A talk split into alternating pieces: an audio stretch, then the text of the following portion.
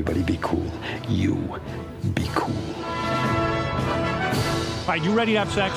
Use a good kiss. We come in peace. We come in peace.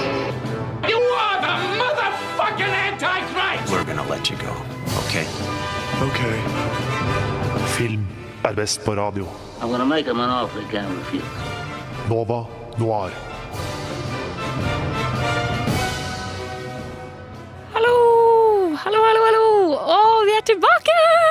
Herregud, så gøy! Eh, Du lytter til Nova Noir, eh, som er filmprogrammet til Radio Nova. Eh, Jeg heter Emle Aasvein, og med meg i studio i dag har jeg Lars Ben Skram. og Ina Elisabeth Sletten. Og Ina sitter også på spakene, så hun multitasker. Eh, og vi er tilbake etter en lang og deilig sommerferie og er endelig i studio. Man skulle tro det fortsatt er sommerferie, fordi det er eh, 40 grader i studio, så hvis vi blir litt rare i løpet av sendingen, så er det sikkert sånn oksygenmangel. Um, men vi er her i hvert fall for å snakke eh, om eh, Oslo Pics, eksempel. Det var forrige uke. Veldig gøy. Vi skal gå inn i noen av våre favorittfilmer og sånn. Men først og fremst i dag så skal vi snakke om kvinnelige regissører. Fordi etter Amanda-prisen, for de som har sett den, og hvis ikke, så anbefaler jeg å gå og se slutten, fordi Juicy, eh, så ble det litt sånn fokus på hvor er de kvinnelige regissørene i Norge. Eh, og jeg har gjort en litt sånn test denne uka, gått rundt og spurt sånn der Hei, kan du nevne en kvinnelig regissør? Veldig mange kan ikke nevne en kvinnelig regissør. Norsk? Eller? Norsk. Ja. Internasjonal òg, men spesielt norsk. Wow. Ja, det, er, det, er ganske, Det er verre. Eh, så vi skal snakke om det, og eh, gjøre en liten analyse av eh, norske regissører i filmbransjen, og hylle noen kule kvinnelige norske regissører. Men før det skal vi snakke litt om hva vi har sett siden sist. Sett siden sist. Åh, det er jo eh, Mannen som sier dette, sitter jo også i studio. Lars! Dessverre. Kan du si eh, hva du har sett siden sist? Nå har jo jeg sett ekstremt mye siden sist. Jeg, det er jo 100 år siden jeg har hatt sending. Men én film jeg virkelig vil eh, ta, ta frem, er jo filmen LA Confidential.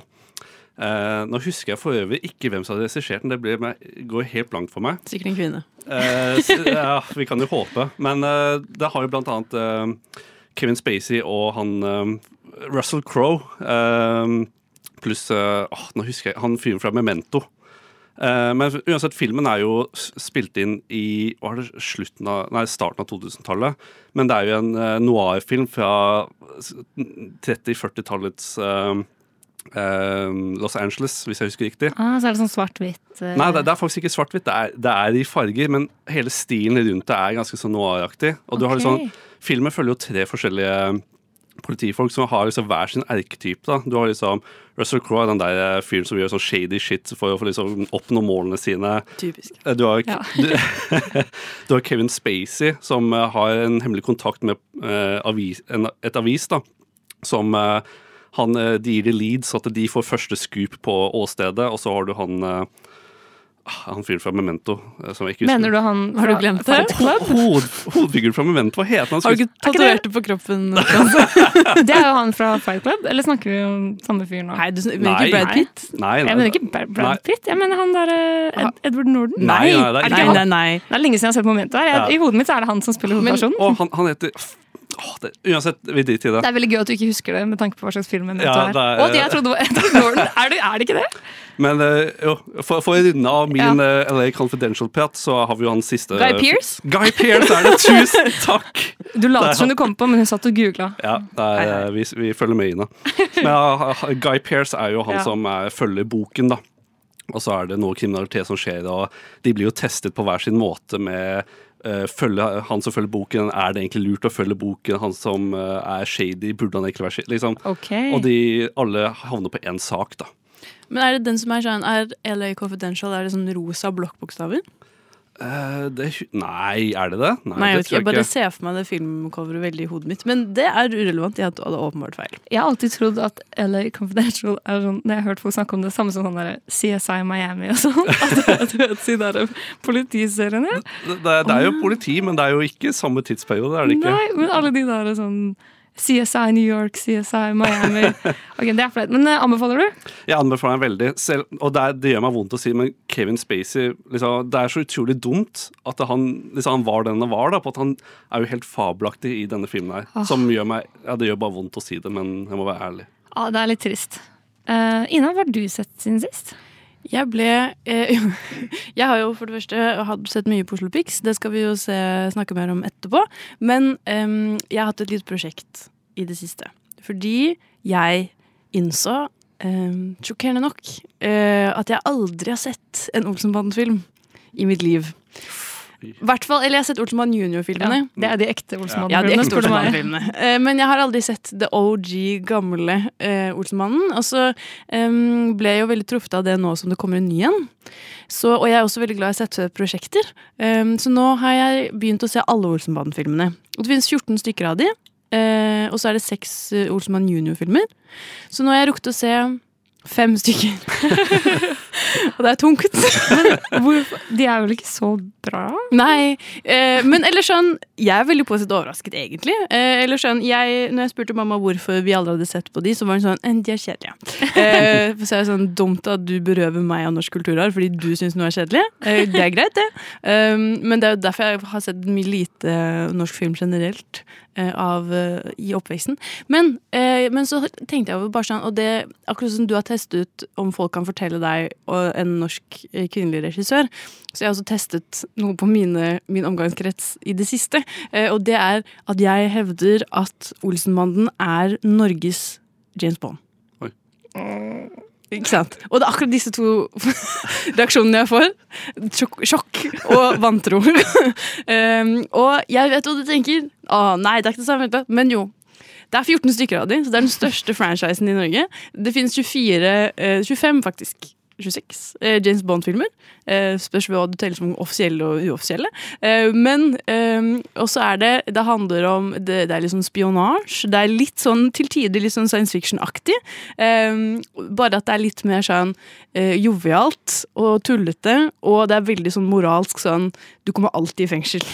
Uansett hva som skjer, kommer du alltid i fengsel. Men du kommer alltid ut igjen Nå kommer alltid ut igjen nå, fordi vi er også et eh, hyggelig samfunn som tar vare på Ja. de som har vært bak lås og slå. Og liker dem litt. Ja, jeg skal lage en lengre uh, avhandling når jeg har sett alle 14. For det er ganske mye gøy inni der. Jeg vil anbefale spesielt så langt Olsenbanden 2 og Olsenbanden 5. Altså Olsenbanden uh, møter Kongen og Knekten, som er en musikal. Nå, gøy! De har et ekte, faktisk 100 sånn Singin' in the Rain-aktig uh, musikalnummer midt inne i filmen. Og jeg var sånn, hvor kommer det fra? Jeg elsker det. Hvorfor er det ikke mer av det? Den går på Åh. svartelisten min, for å si det sånn. Oi, det er, Nei, Jeg, jeg misliker jo musikaler sterkt. Men det var bare sånn Tenk at dette får plass i en liten trash eh, eh, eh, ranfilm, på en måte. Og så er det veldig mye dårlig. For eksempel i toeren hvor de er på Vestlandet i gåseøyne, men de, det er filmet i Østfold, og det er ingen, Oh det er ingen som snakker sørlandsk utenom én mann som er, er stum. Og det er veldig gøy. Ja. Men det høres ut som et spennende prosjekt. Jeg liker å følge mer. Ja, jeg gleder meg til å høre fortsettelsen. Eh, kanskje jeg blir inspirert.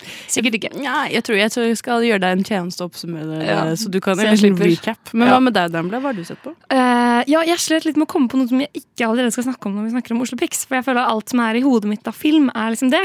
Så da hopper jeg over til TV-verden og snakker om den store snakkisen av alle snakkiser. Som eh, Nei, ikke Ringenes herre-serien, men Game of Thrones-serien. Eh, jeg vet ikke, Det spørs litt hvilken miljø det er i, hvilken som er snakkisen hos dere. for det.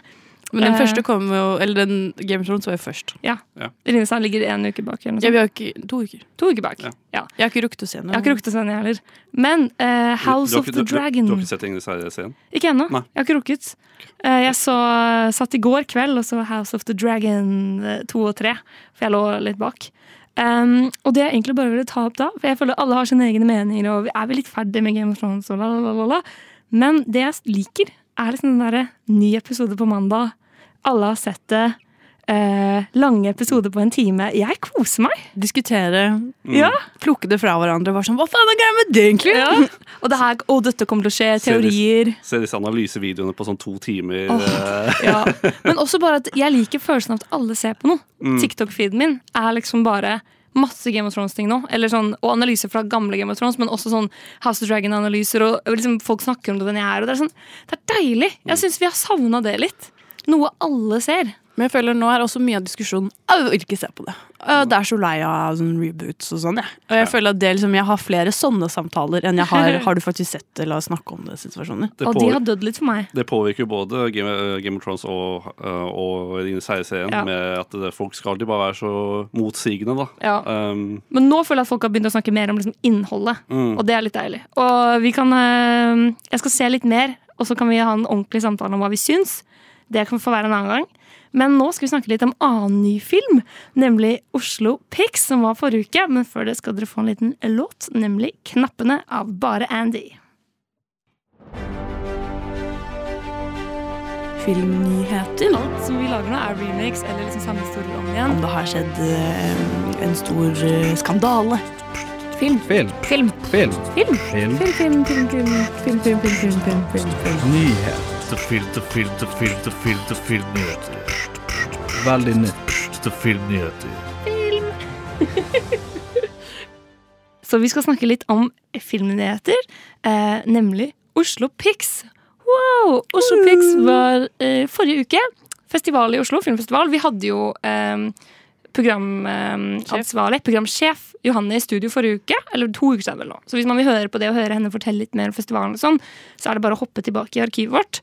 Men eh, Ina, du og jeg, vi var jo eh, aktive. Eller i hvert fall du, men jeg òg litt. Ja. Eh, Oslo Pics-deltakere. Eh, ja, Du hadde jo kanskje mer den vanlige Eller så den, den kanskje mer sånn um, porsjonerte, eh, naturlige å gjøre det i, i Oslo, på en måte. Ja. For det er jo et mylder av ting som skjer, og det er jo derfor tidligere filmfestivaler ikke har fungert så bra i Oslo, er jo ofte fordi det faller inn i et, en, en haug av mange ting. Ja. Um, men jeg var jo på ni filmer. Ni filmer. Så jeg så Uh, hvert, i snitt en film hver dag. 1, et eller annet film hver dag. Uh, det var mer sånn to filmer mange dager, og så noen ganger ikke. Det er jo ekstremt intenst. Du gikk jo all in. Ja, men jeg ville ja, Vi var jo på TIFF eh, tidligere i år. Eh, og, det, og det som var flott med Da fikk jeg liksom en sånn ordentlig sånn Selv om det var jo restriksjoner og sånn, så fikk vi liksom en ordentlig sånn innføring i sånn hvordan filmfestival er. Og da er det sånn at du liksom går fra sted til sted. Det er liksom alle er der for å dra på filmfestival. Og det syns jeg Oslo Pix klarte veldig godt i år. Fordi eh, tidligere så syns jeg Oslo Pix har vært veldig sånn Igjen, da. Litt sånn vet ikke helt hva jeg vil se, det har ikke vært like mye stas. Men nå hadde de virkelig lagt inn sånn alt på at det skulle være en sånn Du skulle føle at du var i en boble. Og hele Grünerløkka var Oslo Pics. Ja. Ja. Alle, alle, rest, eller alle butikker eh, i liksom, jeg tror det var Meyers gate var med på å sponse Oslo Pics. Hadde Ja. Oslo Pics i vinduet. Og det var liksom umulig, umulig å ikke få det med seg. Ja. Jeg tror det var veldig lurt av dem å avgrense det til eh, Grünerløkka. Fordi Tidligere år så har det blant annet vært ved Nationaltheatret og det har vært utekinoscenen har vært liksom ved Saga kino der. Og det har liksom forsvunnet litt fra bybildet. Men i år så var det veldig sånn Det er Ringen og det er Vega. Det er de to kinoene. kinoene og Vega er jo ideelt for det her. Der er jo alle fra før eh, som liker film og ser mye film. Så jeg følte at liksom eh, de bare, Og så hadde de alle disse panelene og litt gratis utekino på Skaus plass. Og litt sånn eh, sosiale eventer. Som hver kveld så var det en eller annen bar som hadde takeover av Oslo Mm. Mye Ingensteds og Blå og sånn. Og så hadde de pubcrawl, kortfilm De prøvde liksom å gjøre det til liksom en eh, sånn stor sosial happening. Og det følte jeg funka veldig bra. Eh, Jeg har jo også fått med til Oslo Pics tidligere år, men da har jeg på en måte ikke dratt. Og det har vært veldig sånn Å jeg var det nå? Og jeg har trodd at man måtte kjøpe festivalpass, men her var det jo egentlig som å dra på vanlige kinovisninger. Du bare kjøpte enkeltbilletter. Du hadde kanskje festivalpass fordi du dro på ni filmer. Nei, jeg glemte at det var en greie. Nei! Men jeg er student, så da fikk jeg det fortsatt for 100 kroner. Ja. Eh, Så det var det samme egentlig som å kjøpe et festivalpass. Det er sant. Um, så det gikk greit, Ja. men jeg kom på det sånn inn i at jeg hadde betalt for syv filmer, så var jeg sånn, vent litt. Kanskje det er en greie. Det er en veldig positiv ting da, at, du, at studenter kan komme på disse filmfestivalene for en så billig penge. Da. En hundrelapp for liksom, film som ikke er på widespread kino, da, er jo veldig, veldig kult. Ja. Og det føltes veldig eksklusivt. Mm. At sånn, de hadde de hadde jo Ja, Syk pike før premiere. De hadde visning av Triangle of Sadness. De hadde visning av Aftersun. Altså sånne filmer som er vårt kjempestore snack, snack, snacks. Snackiser. Snackiser. Eh, som folk har liksom gledet seg til. Og Ja. jeg kan uh, børste eh, håret fra skuldrene og si ja, jeg har faktisk sett Aftersun. Ja. Òg. ja, og, og du har ikke sett noe? Nei, ok. Stakkars deg. Ja, og Men- det var sånn utsolgt flere ganger. Syk pike sine tre visninger på mandag. Utsolgt. Det, var liksom, det føltes liksom svært. Ja, det var veldig gøy. Eh, og derfor lurer jeg også på Lars. Hvorfor dro ikke du? Hvor var du, Lars? ja, jeg vet det. det, det. Dette spørsmålet måtte bli tatt opp, da. Nei, det var jo, Jeg var jo ekstremt uheldig og fikk jo en sykdom som varte litt for mange dager. Pluss at jeg skulle flytte i samme slengen. Jomo heter Ja. en sykdom. Joy of missing out. Ah, stakkars, Ja, jeg, stakkars jeg, deg. jeg lider kronisk av Jomo. Det gjør Ja. jeg absolutt. Men nei da, jeg hadde jo ekstremt lyst til å dra på Oslo Pix, og det var jo mange filmer som jeg hadde notert meg som eh, hadde vært eh, ekstremt gøy å få med seg. Blant annet så klart eh, Triangle of Sadness Ja. var jo en jeg hadde veldig lyst til å se. Og jeg så jo også at de og det, Dette var jo ikke i, i eh, De hadde jo Marcel the Shell with Shoes On, som jeg, jeg bare har hørt mye om, men som jeg så at de hadde én visning av. Eller Ja. noe som jeg ikke fikk med meg. da. Så, Ja, det var mye kult. Jeg fikk heller ikke med meg Triangle of Sadness. Så du den, Ina? Um, jeg skulle egentlig bort denne helgen, så jeg bestilte jo billett, og så ble de planene avlyst for sånn over en uke siden. Uh, og jeg var sånn, ja, da kan jeg Og jeg hadde vært skikkelig lei meg over at jeg ikke fikk lov til å se Triangle of Sadness. Tror du ikke det var utsolgt? Ja. To visninger. De to visningene på lørdag Det det. fantes ikke noen andre visninger. Utsolgt. Det var jo selve avslutningsfilmen, og den vant vel i Cannes nå. Så den eh, tror jeg, den kommer garantert på kino, så Ja. da får vi se ja, den det, da. det gjør den absolutt. Men eh, ja, hva var det noen av dine favoritter, Ina? Hvis du skal trekke fram én film som bare Den må alle se, for eksempel. Jeg så jo Jeg var overrasket over hvor mye bra jeg så. Egentlig. Eh, Jeg trodde jeg skulle se Sånn som med TIFF så var det også sånn noen ting som var sånn, ja, ok. Og så var det selvfølgelig noen filmer jeg syntes var sånn, ja, det her var ikke det jeg helst uh, skulle sett. Men den som fikk meg uh, til å gråte, da, hvis jeg skal trekke Det er kanskje det som berørte meg mest, er en som heter Candice for livet. Uh, eller For life. Candice for life. ja, og Candice er um, danskenes Ole Ivars.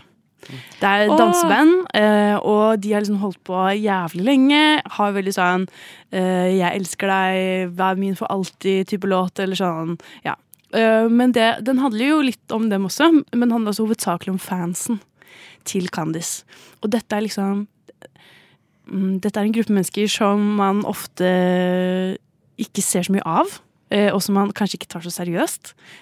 Folk som kanskje er uføre, eller som er sånn utenfor sånn mainstream samfunnet, da, og kanskje blir gjort en del narr av.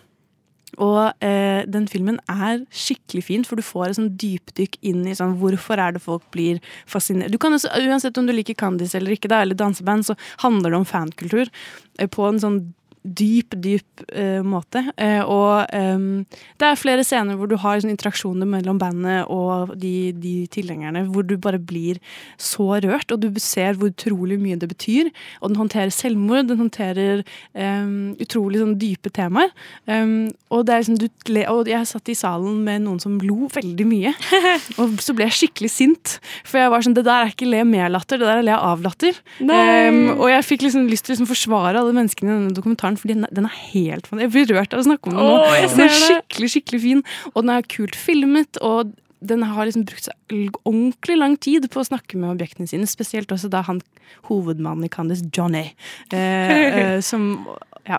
Og eh, man skal ikke kimse av noen ting, egentlig. Det er veldig sant. Ja, Så den er, den er veldig kul. Okay. Og spesielt siden vi har mistet Oliva Shore, rest in peace, eh, så tenker jeg at vi skal eh, Det er verdt å titte på. Hvis man har Den, lyst til å eh, huske. den skal jeg sjekke ut. Da håper jeg kommer den på kino. Ja, det håper jeg jo. Ja. Hva med deg, Embla? Uh, jeg så tre filmer, og jeg elsket alle sammen. Og det føltes som et skikkelig sånn Det føltes så unikt. Um, og jeg tror man kommer til å høre veldig veldig mye om Aftersun. Så jeg vet ikke om jeg skal liksom gidde i det hele tatt begynne å bare snakke om den. For den er egentlig veldig kul å ikke vite så mye når du går inn i. Jeg, hadde ikke noe, jeg visste bare den handlet om en far og en datter på ferie. Og det var det jeg visste. Og den bare tok meg med storm. Jeg ga den fem av fem stjerner på Letterboxd. Det, jeg tror det er en av mine nye favorittfilmer. Den er høyt der oppe. Jeg ble ordentlig, ordentlig rørt på en sånn en måte jeg ikke så komme. Og det, jeg elsker filmer hvor ting skjer litt sånn um, På en måte uten at du skjønner det. Eh, det er der jeg føler Lost in Translation også treffer meg litt, som er en av mine andre favorittfilmer. Masse scener du ikke egentlig sånn Hver for seg så er de ikke så store, men når de settes sammen, så blir det sånn lappeteppe av små øyeblikk der du plutselig blir truffet av liksom bare livskraft. Liksom bare overveldet av det det betyr å leve, og liksom disse dumme tingene som vi må gjøre.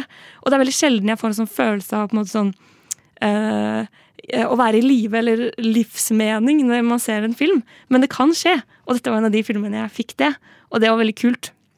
Så den må alle se når den kommer. Den kommer garantert på kino. After Ja. Sun. For den fikk vel, vant vel noe i Kan. Ja. Eller den vant ingenting. Eller den fikk sånn kritikerpris. Ja, sånn ærespris. Ærespris. Men den, um, uh, den er en debutfilm.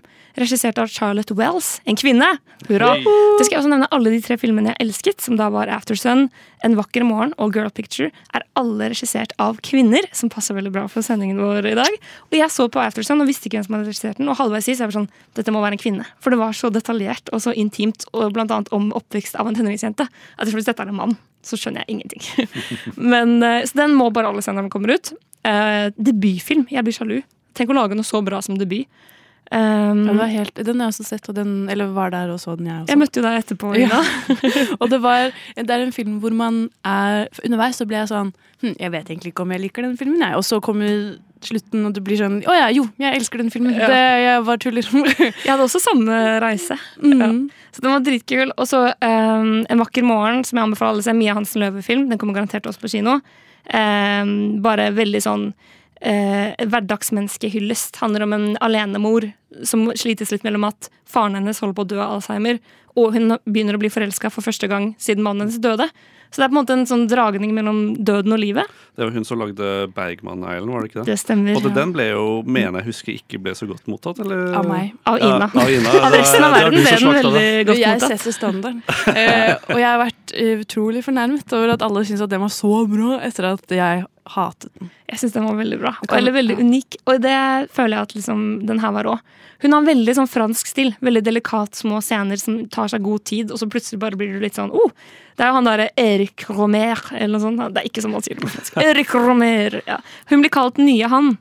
Han var jo sånn kjempestor fransk filmskaper back in the day. Mange, alle filmene hans er på Mubi, hvis dere er interessert. Veldig sånn søte og delikate franske filmer om hverdagsliv. Er det ikke han som har litt sånn rare, rare barn eller unge jenter i filmene sine? Jo, det er sikkert. Det er alle sånn franske, menn mm, ja. Han har i hvert fall noen fine filmer òg. The, The Green Ray for eksempel, er veldig fin. Uh, og så Sist skal jeg bare slenge inn en honorable mention, som er liksom et Girl Picture.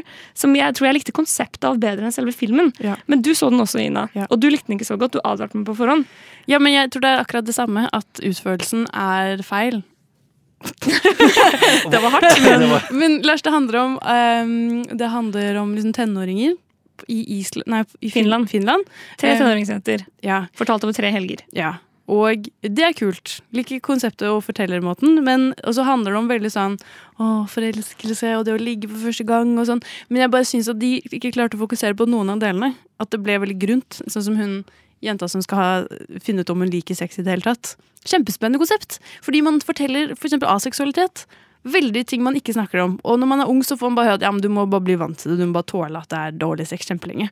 Eh, men at hun liksom bare tør å være sånn Nei, jeg vil bare prøve å finne ut av det, jeg, og teste litt og er litt frempå, liksom. Og så er det denne kjærlighetshistorien ved siden av der som handler om noe helt annet. Hvor jeg, ja, og så er det en opp inni der er det også en historie om noe skøyteløping. Um, så det er bare sånn Det er aldri veldig mye som skjer. Og en dårlig forhold til en mor. Og det er bare sånn altfor mye som skjer. Litt mange- fokusert film, da. Ja. Men det er meningen, for den skal bare skildre å være tenåringsjente. Og ta det på alvor. Men jeg, grunnen til at jeg liker den bedre enn Ina, er, tror jeg er fordi regissøren var i salen og etterpå holdt et foredrag. Oh, ja. ja, det hjelper Og alltid. Det hjelper veldig, for hun hadde noen utrolig kule tanker. Blant annet tittelen Girl Picture. At den spiller på chick flick. Og at hun vil ta tilbake den negative assosiasjonen folk har til filmer om kvinner. Og ta tilbake sånn, ja, dette er en film om jenter, og det er kult.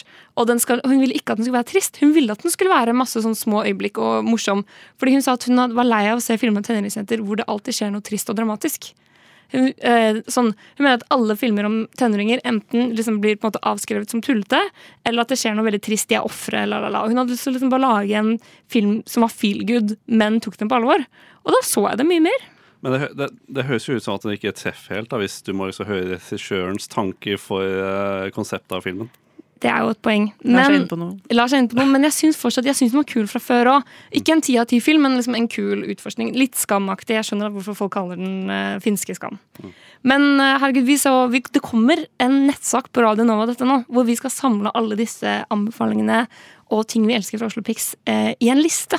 Så du kan gå inn, kjære lytter, på radionova.no og finne eh, alt vi har snakket om nå, pluss, pluss, pluss. Fordi Oslo Pix var dritkult, og dro du ikke i år, så må du dra neste år. Vi skal begynne å snakke litt om eh, kvinnelige regissører. Norske kvinnelige regissører. For hvor er de? Hvem er de? Det er mange spørsmål, men før det skal vi høre en liten låt. Nova Noir. Nova Noir. Uh.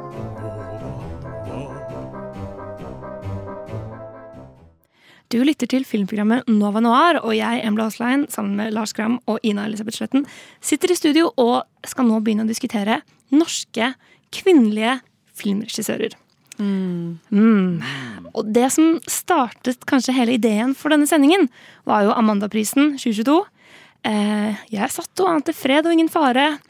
Eh, men Hadde sett hvert norsk menneske vinne film, det er pris etter pris. Ja. Bare menn kom opp på scenen i alle kategorier, bortsett fra barnefilm, fordi kvinner får barn, og kostyme, fordi kvinner liker klær. Eh, og da menn, ikke bare, bare mannlige vinnere, men bare mannlige nominerte i alle kategorier. Også da beste regi. Til og med beste kun, kvinnelige hovedrolle. Aksel Hennie. Igjen! Men da eh, kommer eh, er det Vibeke Løkkeberg, eh, legenden selv, opp på scenen og skal gi ut denne hedersprisen.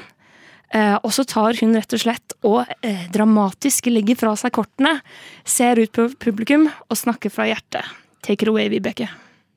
Men å bli nominert betyr at man har berørt. Og det er jo det film handler om. Å berøre. Men da vil jeg gjerne spørre hva kommer det av at det er mest mannlige filmregissører som får æren av å berøre? Og jeg lurer på om Filminstituttet selv legger merke til dette skillet her. Det er jo også kanskje juryen her som ikke har plukket ut eh, eh, filmer fra kvinnelige regissører. Men det kan jo ikke være riktig når man står og gir premierer menn og applauderer menn i dag, i 2022, og kun menn. Dette hadde jeg ikke tenkt å si. Jeg tenkte det kanskje er litt sånn eh, litt hyggelig å si av en gjest. Men jeg vil bruke anledningen til å se det fra en kvinnes ståsted. At jeg må gjøre noen ting. Det kan ikke være slik at fordi at man har fått seriemuligheter i TV, så puttes kvinnelige filmregissører dit, og mennene kupper norsk filmbransje, slik som jeg ser her i kveld. Hun, eh, hun tok mikrofonen, altså. Jeg svetter bare av å høre på det. Ja, du blir stressa? Jeg er så ukomfortabel når folk bare konfronterer folk. Ja, er, hun var modig. Jeg hadde aldri turt. Nei, det er jo, men det er også det som har gjort Vibeke Løkkeberg til den hun er. Og sånn har hun jo vært hele karrieren sin også. En som sparker inn dører og som bryr seg svært lite om hva alle andre syns om henne. Og man ser jo på hele Erik Poppe som står ved siden av henne, at dette var ikke jeg! Dette var ikke jeg forberedt på, da! Ja, for, Ina, kan ikke du fortelle våre kjære lyttere hva Erik Poppe gjør etter Nei, dette? Etter at, Vibeke har denne fine, dette fine utbruddet, eh, så, så lener Erik Høie, Erik Poppe, eh, som tenker ja, ja, han har hatt noen, han har hatt noen dårlige utsagn i eh, før. Han har kysset noen han ikke burde. Han har kanskje sagt at intimitetskoordinator er noe man ikke trenger. Og så tenker man nå, Erik, Eirik, hva faen? Nå klarer du å, å redde deg inn. Og så sier han ja, men nå skal vi ikke glemme at de som er nominert, er veldig flinke. og så ser Og så igjen, Vibeke leverer igjen og si, ser på uh, Poppe og sier ja, nå trodde jeg egentlig at jeg skulle få litt støtte av deg. Og uh, det er ikke noe mer å si. Og så kommer, jeg har jo Erik i ettertid uh, kommet ut og sagt at han støtter Vibeke, og det er veldig bra. Men akkurat i det øyeblikket var det litt dumt. Ja. Det er lett å komme etterpå og si 'bra jobba', men han sto der og bare tenkte 'hvordan skal jeg smoothe over dette'? Hvordan skal jeg smoothe over dette? Alle er flinke! Du merker at han ikke hadde gått gjennom PR-agenten sin på, før søndag. Ja, ja, ja. Live-TV, vet dere. Ja, det er det. Ja. Nå er hele Utvandreren sitt, Ja. eh, sitt, p- sin hele sånn PR-plan ødelagt. Men det er jo det da, at man, man stiller seg spørsmålet hvor er det dette kommer fra. Ja. Og uh, Løkkeberg har jo et poeng. Det er jo ingen eh, nominerte kvinner. Og, men likevel, i fjor så var det jo en kvinne som vant Det er sant. regi. Men vi gjorde jo litt research og fant jo ut at hun er jo da bare eh, den fjerde kvinnen i Norge til å vinne beste regi. I fjor. Og det er vel 20, Ingrid Streff Lykke. 20 regipriser som er blitt 20, tror jeg. Eller fra 2005 til i dag, så 18 blir vel det. Ja.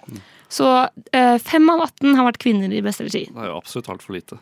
Det viser jo en tendens. Mm. Eh, og så tilbake litt til det vi snakket om tidligere i sendingen. Altså, eh, det er vanskelig å nevne kvinnelige norske filmregissører. Så jeg, jeg kommer ikke på noen. da. Liksom, bort, bort, bort, bortsett fra de vi, vi skal prate om i dag, så Ja, nei, helt lost. Jeg hadde liksom Yngvild Sve Flikke veldig på tunga, fordi hun vant i fjor for Ninja Baby. Men jeg syns det var veldig vanskelig å komme på flere. Det er jo, som du sier, Lars, det er jo ikke noe rart at man ikke husker det, fordi ikke, de får jo ikke plass, og de får ikke like mye anerkjennelse.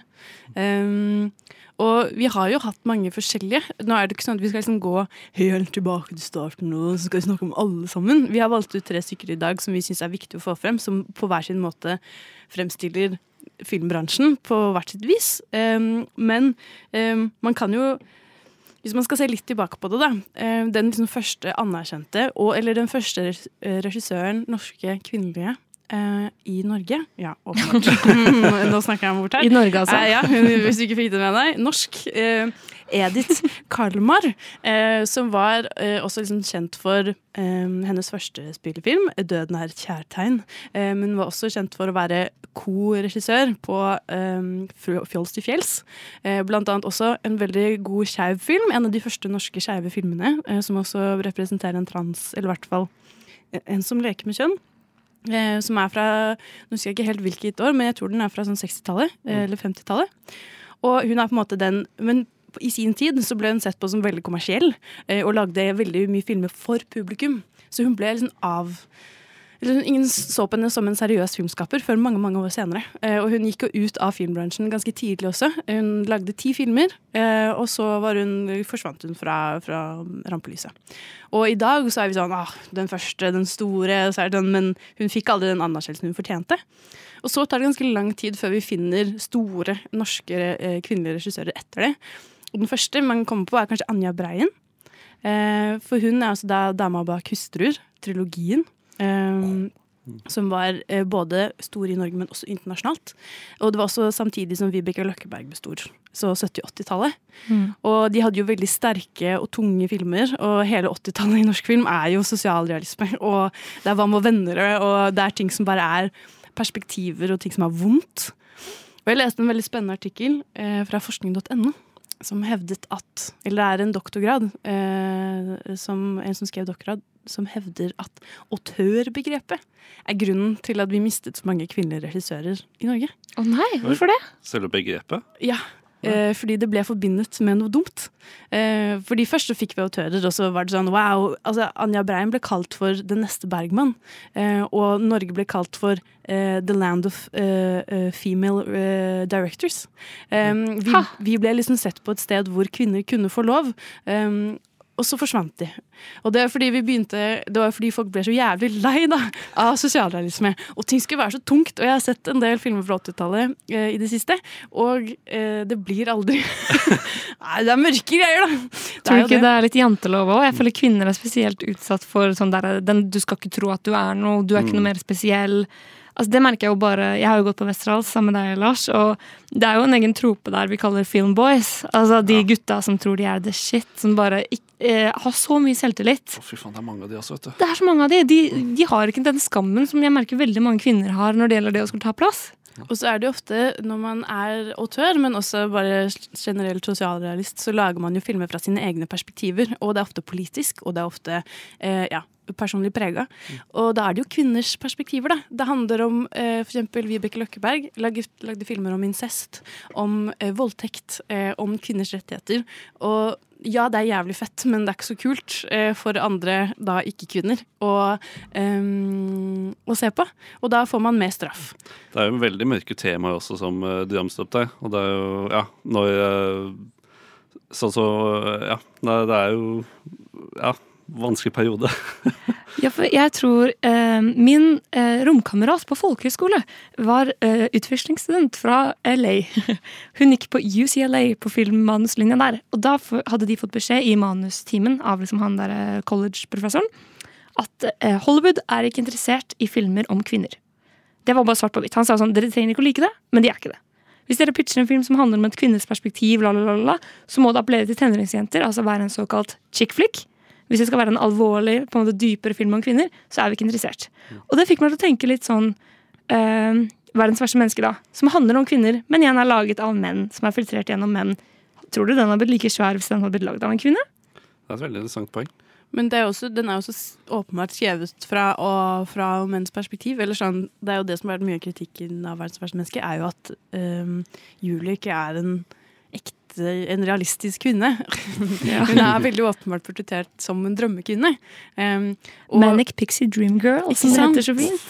Uh, og da er det jo selvfølgelig, da kan jo menn resonnere med de, sine egne opplevelser av kvinner. Uh, og det er jo som du sier, altså, sånn, folk syns det er mer spennende å se på mannefotball enn kvinnefotball. Ja. Um, og for eksempel når de prøvde å reboote Jeg sier ikke at det kom til å gå kjempebra, men, på en måte, men når de skulle reboote Charlies Angels, så var også mye av kritikken var, Eller sånn hun Elizabeth Banks, tror jeg det er hun som regisserte den, var sånn Menn syns ikke eh, eh, kvinner som driver med vold, er spennende. Eh, de syns ikke action fra kvinner er spennende, med mindre de er jævlig digge. Eller da Kill Bill. Ja, Mm. som også er sånn Men, Så det er jo på en måte um, Det er vanskelig, da. Ja. Å bli tatt seriøst, fordi du tråkker jo feil uansett. Og det er veldig vanskelig å ta noen på, fordi jeg kan, noen kan si jeg liker ikke denne filmen, og så får jeg vel lyst til å si sånn «Ah, fordi det handler om en kvinne. Og så liksom, de, det er veldig vanskelig å ta folk på at kvinnelig tematikk ikke appellerer til dem. Men, men det, det, det som er så spennende, er at det er sånn som du sier, verdens verste menneske regissert av en mann. Men liksom, er, det mange, liksom, er det så mange som tenker på hvem, hvem som har regissert filmen? Liksom, hva, ikke at jeg har svaret på det, men hva er liksom hvor, Hvordan finner folk liksom, Hvorfor blir disse så isolert? da? Hvorfor, hva er greia Det med kan, det? det kan jo virke som filmer laget av menn i Norge både får mer hype Altså Flere vil dra og se de. De får, mer, de får jo større budsjett. Det har jo vi gjort research på at de får mer penger av NFI enn kvinner. Jeg tror det var eh, fra og med 2019 at kvinnelige regissører får en tredjedel så mye budsjett som mannlige regissører får. Det er jo tall svart på hvitt. Og så blir det også sånn at kvinner oftere blir satt på barnefilmer og familiefilmer. Og og det skjedde jo også etter 70-80-tallet, eh, for da kom helikopterperioden med Orons belte og sånn tøffe filmer hvor de har masse um, ja, helikoptre da, og, og gunner og sånn. Og så ble alle kvinnene, det er jo fortsatt regissører der, men de blir satt på film, barne- og um, ungdomsfilm. Sånn som det er fortsatt er i dag, i stor grad. Og da får man ikke like mye filmer uansett, for de type filmene blir ikke sett på som like store eller som like viktige. Ja, det er kjempetrist og irriterende. Og eh, både, altså, fra NFI-rapporten for 2016 sier at statistikken viser at når det skal søkes om tilskudd for spillefilm, så velger fire av fem mannlige produsenter å eh, jobbe med mannlige manusforfattere og mannlige regissører. Og dessverre så viser det også at kvinnelige produsenter også som regel velger mannlige regissører og manusforfattere. Så det er vanskeligere å komme frem. Men det står i 2019 at de siste årene har de sett en utvikling i positiv retning i forhold til kjønnsbalansen. Så vi er på riktig vei. Og vi må håpe at ved å snakke om dette, og at Vibeke Løkkeberg caller alle ut, og at vi på en måte blir litt bevisst hvem som får fortelle de historiene vi ser på, at vi kanskje kommer litt videre på veien.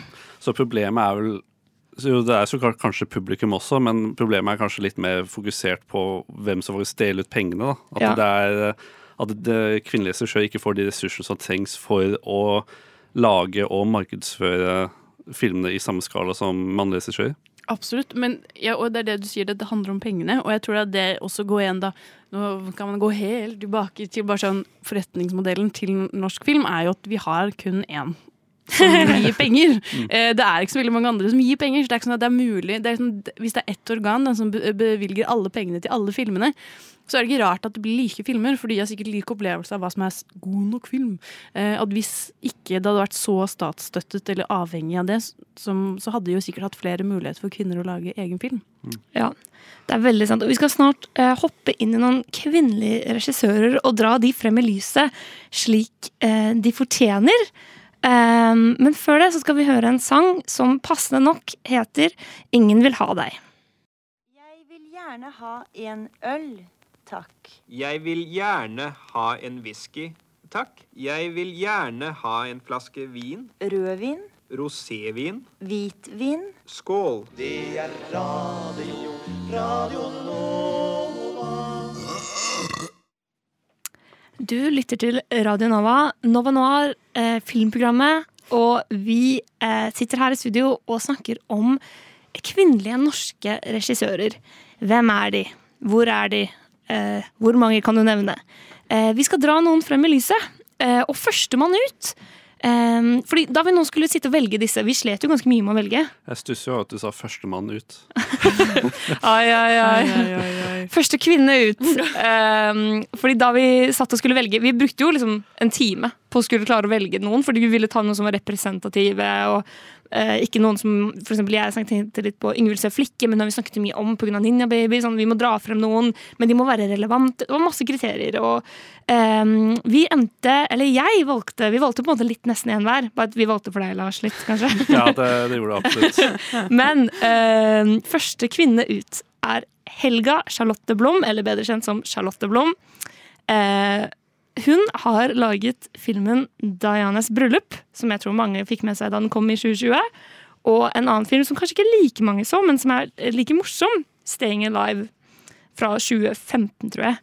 Eh, hadde dere hørt om Charlotte Blom?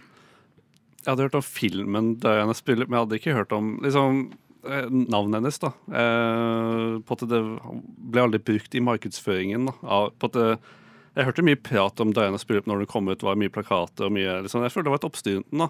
Men eh, navnet til Charlotte Blom var jo aldri å se i store bokstaver, følte jeg. Så det, nei, jeg hadde aldri hørt om henne. Jeg er helt enig. Jeg visste at det var en kvinne som hadde regissert den, og jeg skrev jo anmeldelse av Dianas bryllup når den kom. Mm, men jeg husker ikke liksom, om jeg har tenkt noe mer over navnet hennes. Nei, det er, og det føler jeg er sånn typisk òg. Hvis vi bare skal begynne å samle opp litt fellestrekk her, så er det jo ofte at mennene headliner filmene litt mer. En Christopher Borgli-film, en Joachim Trier-film. Mm. Mens kvinnene ikke nødvendigvis står på plakaten engang. Eh, Men Charlotte Blom tror jeg kanskje mange kjenner fra kortfilmen 'Kokos'. I hvert fall hvis de har gått på Westerdals. Eh, Fordi den måtte vi analysere opptil flere ganger i løpet av vår tid på Westerdals. Som er en sånn rar, sjangerblandende kortfilm. Både litt musikal, litt surrealistisk. Hun eh, endte opp med å spille den selv fordi skuespilleren ble syk på dagen. Eh, Hun vant masse priser for den, og det er liksom den filmen som satte henne på kartet. da. Eh, Har dere sett den? Nei, faktisk ikke. Den er, bare, den er veldig eh, quirky, for å ta tilbake det ordet til noe Oh, positivt. Wes Anderson hadde vært stolt. så hun har en veldig sånn leken eh, stil, og jeg tror kanskje hun er mest kjent for å blande liksom det eh, humoristiske med det tragiske. Og på en måte overdrive hverdagsligheter er på en måte hennes eh, varemerker, da. Eh, og virker som liksom eh, Nå driver hun og har regi på Pernie, så litt tilbake til det vi snakket om at kvinner ofte havner i TV. Eh, og jeg er spent på liksom hvor hun skal. Hadde, så dere Dianas bryllup da den kom på kino? Nei. Ja, du anmeldte den jo, Ina. Tenkte dere på henne som en autør? Nei. Et, ikke som en autør, autør men eh, jeg, jeg, jeg tenkte på henne som en med det, det var jo noen uh, trekk som jeg syns var litt sånn, kanskje litt kunstneriske. Altså, hun, hun hadde jo litt en, en vei å gå til autør, da, så hun var jo lyst på veien der. Men uh, så Delvis. Nå vet ikke jeg nok om henne, da. Men um, jeg ville ikke kalt henne en autør. Ut fra filmen hun har laget? Eller Ja. filmen hun har laget? Ja. Hvorfor det? Nei, jeg føler ikke Eller skjønn, det er ikke noe galt å ikke være autør. På en måte. Men en autør, da har du et åpenbart særpreg og en åpenbar sånn Dette er det som gjør deg til deg. Og vi skal jo snakke om for eksempel det i- mine øyne er en ordentlig autør eh, senere. Men jeg bare føler at det er ikke et skjellsord å ikke være autør, på en måte. Eller sånn en, en, noe du taper på. Men jeg bare sier at eh, Og Dianas bryllup var jo også my mye mer front som en kommersiell film. Ja. Men det er jo Joakim Trier sine filmer òg. Men folk kaller jo han en autør. Ja, nei, men jo, altså, det er vel godt poeng. Jeg syns også at Joachim Trier er litt kjedelig. Men, eh, men han har jo en, en veldig distinkt måte å filme ting på. Jeg tror at um, i nå, Igjen, jeg har ikke sett Staying Alive, så jeg kan ikke si noe for sikkert. Men eh, hvis hun har en åpenbar sånn måte å gjøre ting på Så Joachim Trier har jo voiceoverne sine og eh, realismen sin. Eh, og nærblikk Eller sånn, han har jo utrolig såre filmer til tider. Som Oslo 31. august og Reprise er jo faktisk veldig mm, Jeg vet ikke. De går jo veldig tett på.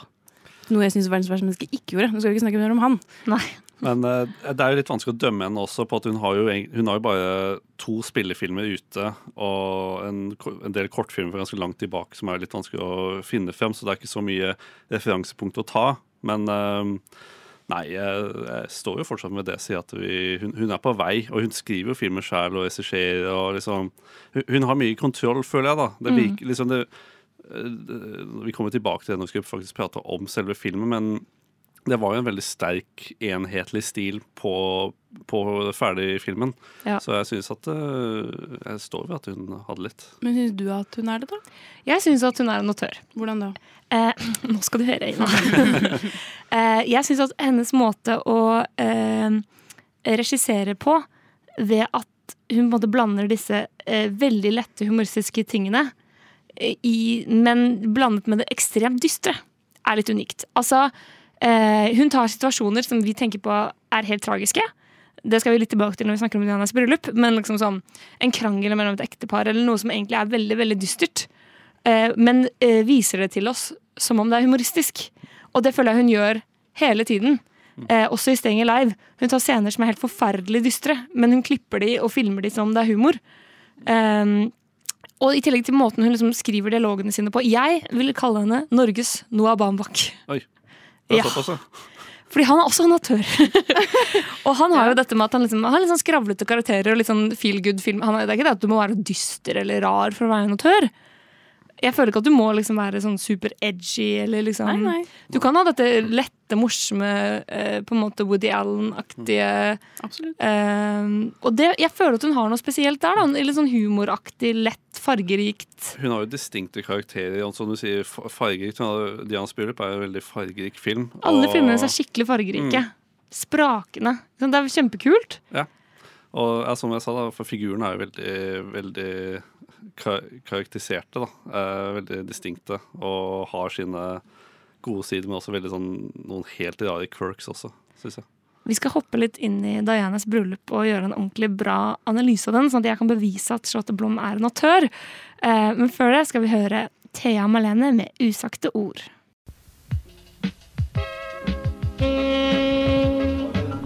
Alle tre, og så kommer Edmund Og har du sett Ja. Du sett Parasite? Du vet når hun gjør den der, den der huskeringen sin? Å, shit, shit. Uh, Nova Noir.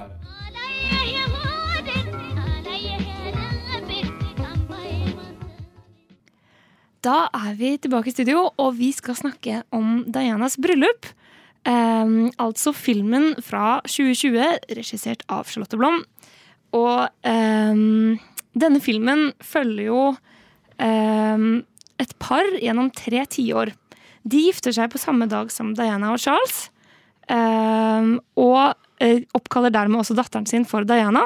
Og vi følger denne familien frem til Diana selv har blitt voksen og skal gifte seg. Så dette er altså et portrett av en familie fra 80-tallet til i dag.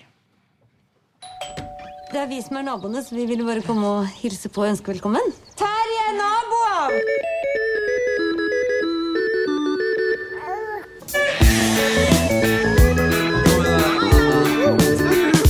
Diana! Diana! Faen, det der gjør du faen ikke igjen, ass. Nei, det gjør faen ikke du heller! Var planen din å bare stå og se på at hun Du drukna lager så jævlig mye drama her. Ungen står her. Helt greit. Det Helt sjukt at jeg har lyst til å gifte meg i det hele tatt. Jeg har to gode eksempler på hvor dårlig det kan gå. Gi den til meg! De kommer ikke til å la seg stoppe av noen bryllupsfest ute der. Ja, så denne filmen eh, følger altså Marie Blokhus som Liv og Pål Sverre Hagen som Terje. Disse to litt dysfunksjonelle foreldrene, som også da flytter til en slags sånn suburbia-nabolag i en jeg tror udefinert by. Og eh, kommer ved siden av verdens streiteste nabopar, eh, som er liksom det motsatte av dem. Eh, og så følger man disse to eh, parene, egentlig. Eh, og Lars, det var første gang du så filmen. Det var det. Hva syns du? Jeg, synes egentlig, det, jeg skal jo gå rett ut og si at dette var jo den beste filmen av de tre. Eh, så det er jo egentlig bare å skru av etter den samtalen er over. Eh, men eh, det er jo den mest moderne filmen også. Eh, og jeg syns den, var- den var ganske morsom. Eller den hadde sine momenter. Da, og den hadde Den var jo ganske helhetlig skrudd sammen på et altså fint eh, karaktergalleri. da Med tanke på at du har jo Liv og Terje, som er jo det paret som hater hverandre, men samtidig elsker hverandre. og så har du var det Unni og Olav? Unni og Olav. Som er eh, Det tristeste naboparet. Ja, det er, eh, og de er kanskje de som ser mest ut som de kommer rett ut fra 80-tallet. Er- Ja, hun der Unni er jo en karakter i seg selv. Men eh, nei, jeg var jo veldig fornøyd med filmen. Jeg husker når den ehm, hadde premiere, så gledet jeg meg så mye. Jeg hadde sett den og var sånn wow, det her ser så gøy ut. Det skjer, altså sånn, jeg elsker jo Pål Sverre Hagen. eh, og han hadde jo også sin Han var vel med i både Var også det samme året som uh, Utstell hester. Ja, var det det? Kanskje. Usikker. Nå bare kaster jeg det ut. Jeg Ja, tror det- ikke det, altså. Men jeg tror bare han har hatt liksom noen perioder hvor han bare var med i masse film. Og Ja, han, han er er fortsatt det. nå, ja. Um, han var jo, jeg tror han var nominert til Eller begge filmene han spilte hovedrollen i, var jo nominert til Amanda i år, for eksempel. Mm. Uh, men jeg husker bare at jeg gleder meg veldig mye til den. Um, og den er jo sånn fargesprakende, um, utrolig sånn søt og fin, og veldig sånn gir et godt innblikk i det å vokse opp i en ja, litt sånn rar familie, og hvordan både alle andre oppfatter dere, og hvordan du selv oppfatter det. Men jeg tror mitt ikke problem, for jeg likte den jo veldig godt, men at jeg syns ikke den går eh, hardt nok inn når det først er vondt. Altså De ti gangene det skal være sårt, og de skal krangle, og det skal være åpenbart en utrolig us eh, usikker situasjon, så føler jeg ikke at de klarer å gjøre at det blir godt nok, eller dypt nok. Kanskje. Det får i hvert fall ingen langvarige konsekvenser. Det er det. Alt bare De blåser over, og så går det fint. De, de løser det jo med humor, ikke sant. Ja. Det, det skal alltid være sånn en vits eller liksom en humoristisk punchline, føler jeg, da. Eh, Selv om det er ganske dramatisk. Det er jo Et, et eksempel er at når de Det er jo ganske eller relativt sent i filmen at uh, hun Unni uh, Nei, Liv har jo låst ut Terje. Og det er ganske dramatisk, syns jeg, da, på at de har hatt en skikkelig stor krangel. Kastet han ut av huset. Ja, ja. Han kommer faen meg med motorsag og skjærer ned døren. Og bare helt, men så bare Nei, det går bra likevel. De kliner og er liksom- Ordner. Det ordner. Men det er det, det her er også, Nå skal jeg dra inn Charlotte Blom som autør her. Fordi det er her jeg føler hun er helt unik. Fordi disse type scenene i en eh, litt mer sånn typisk sosialrealistisk film Hvis Dag Johan Haugerud var regissør, på en måte, så hadde det blitt ganske mørkt. Og det hadde handlet om hvordan de barna ble fucket opp og kanskje endte med at de ble tatt av barnevernet og sånn. Nei, det er jeg jo enig i, fordi øh, det er masse familier som disse. Som har det hvor Det er veldig varmt eller kaldt. Og jeg, det er det sånn, jeg, jeg har ikke vokst opp der, men jeg kjenner jo igjen familier i min, i min oppvekst som har vært sånn. Um, og så blir det ikke barnevernet, men det, jeg føler det er fortsatt lov til å kjenne på det vonde, og så går det bra etterpå. Men jeg bare følte ikke at hun, hun holdt den aldri lenge nok til at jeg fikk sånn åh, dette var ubehagelig. De går litt for fort over. Hvis jeg skal gå på sånn litt mer større perspektiv, som metastadiet, så er det et symptom på en del filmer i de siste årene, takt, mye takket være Marvel, at alt skal være det, så, det skal være vondt, det skal være noe emosjonelt, men så klarer de ikke de klarer ikke å dy seg med så å slenge inn noe Gjøre det lettere, da, lettere å fordøye. Uh, og det Jeg står jo litt mellom meningene deres at det, det kunne gått mørkere inn, ikke sant? men samtidig så må det ikke gå helt uh, hardcore Ja, i kjelleren heller. Ja. Men jeg hørte på et intervju med Charlotte Blom som snakket om den filmen, og som sa at eh, Fordi han Dette var jo kulturstrippa, så intervjueren var sånn eh, dette, hva, hva vil du utforske her? Er, hun var veldig sånn Det jeg lager denne filmen for, og alle filmene mine, er at jeg syns det er spennende å finne ut av kjærlighet. Så forskjellige måter å holde sammen, forskjellige måter å leve sammen. Og jo eldre hun blir, jo mer lærer hun om kjærlighet. Og hun syns liksom kjærlighet som 30 er noe helt annet enn kjærlighet som 50. Og det var liksom ideen bak filmen å vise kjærlighet i mange stadier og i mange fonter. Og så sa han, eh, intervjueren litt sånn derre Ja, fordi du skildrer et veldig dysfunksjonelt par. Og så var hun veldig sånn Nei, de er ikke dysfunksjonelle. Jeg syns de er fine, jeg. Altså, og det endret litt perspektivet mitt på filmen, for jeg tenkte at det er en historie om et ekteskap som faller fra hverandre. Men det det egentlig er, er bare historien om et ekteskap. Punktum. At liksom det er en måte å elske på også. Det er de ups and downs. Jeg tror derfor hun ikke vil la det bli helt for mørkt heller. Og at det er så mye humor i det tragiske. Det er liksom en slags måte å kunne le av det litt vonde i det hverdagslige, føler jeg. da. Og som jeg også syns er en litt unik måte å fortelle en sånn historie på. Jeg er egentlig ganske enig i det som blir sagt der, men det er jo også Du trår jo den linjen med at du kanskje normaliserer dårlige forhold også. Det var det han sa, han intervjueren òg. Ja, ja. Hun var uenig. Det var uenig, ja. ja, ja. Men det er litt spennende. Og jeg føler at eh, Jeg er enig at eh, der jeg savner noe i den filmen, er egentlig slutten. Jeg syns ikke den slutter helt ordentlig. Men det er også en litt sånn norsk film-curse. Uh, norske filmer er alltid en og en halv time. Noen kunne godt vært to. Det blir litt sånn raskt på slutten. Men så har du eksempler som barn som aldri ville stoppe. Men barn var jo hvert, hvert minutt. Det stopper godt en halvtime, time før, altså. Herregud. Men eh, fordi eh, Charlotte Blom var også den som regisserte eh, Pernie, sant? Ja, eller mye av Pernie i hvert fall. Mye av Pernie. Og det jeg også føler med Pernie, er også den Det er jo også mye mørkt i Pernie. Eh, altså hun er jo jobber med barn, eller sånn familier hvor det går skikkelig dårlig med barna. Og jeg, mitt problem med Pernie også er at jeg klarte ikke å se ferdig sesong to fordi jeg syns det, det, det går for fort. Og det er ikke de, de holder ikke lenge nok på øyeblikkene. De øyeblikkene hvor du skal bli liksom tatt med inn i følelseslivet til karakterene dine. Og jeg tror det er bare det Jeg, altså, sånn, jeg likte Dianes bror veldig godt, men jeg bare ser at sånn, jeg tror jeg hadde blitt enda mer eh, investert i både Diana ehm, For jeg trodde ikke noe på henne. Jeg følte ikke På slutten så var jeg liksom Jeg skjønner ikke Du har åpenbart hatt det bra. Men Ja. samtidig så er det sånn Det var helt forferdelig. Og så er det sånn, jeg skjønner ikke hva du vil at vi skal tro. Er det, var det forferdelig, eller var det kjempebra? Ehm, og så er det også sånn Nei, jeg vet ikke. Jeg bare følte ikke at det var nok akkurat, akkurat for lite emosjonell dybde. Ja, Men det er jeg enig i, og det blir spennende å se Charlotte Blom sine neste filmer. Ja, absolutt. Og tror dere at når hun kommer med en ny film, og det er sånn ah, ny Charlotte Blom-film på kino, så kommer det til å være sånn Det vet jeg hvem er! Let's go! Jeg gleder meg. Jeg kommer til å ha et ø- øye oppe for det hun lager. Eh, Grunnen til at jeg brukte tid på å se Diana spille, var jo det at den var jo en bryllupsfilm. Liksom. Den var jo markedsført kanskje litt ikke for min målgruppe, da. Eh, men det, det tar jo på min kappe at det er litt eh, et snevert eh, syn der, hva jeg liker. Det er utrolig eh, spennende poenget du kom med der, Lars.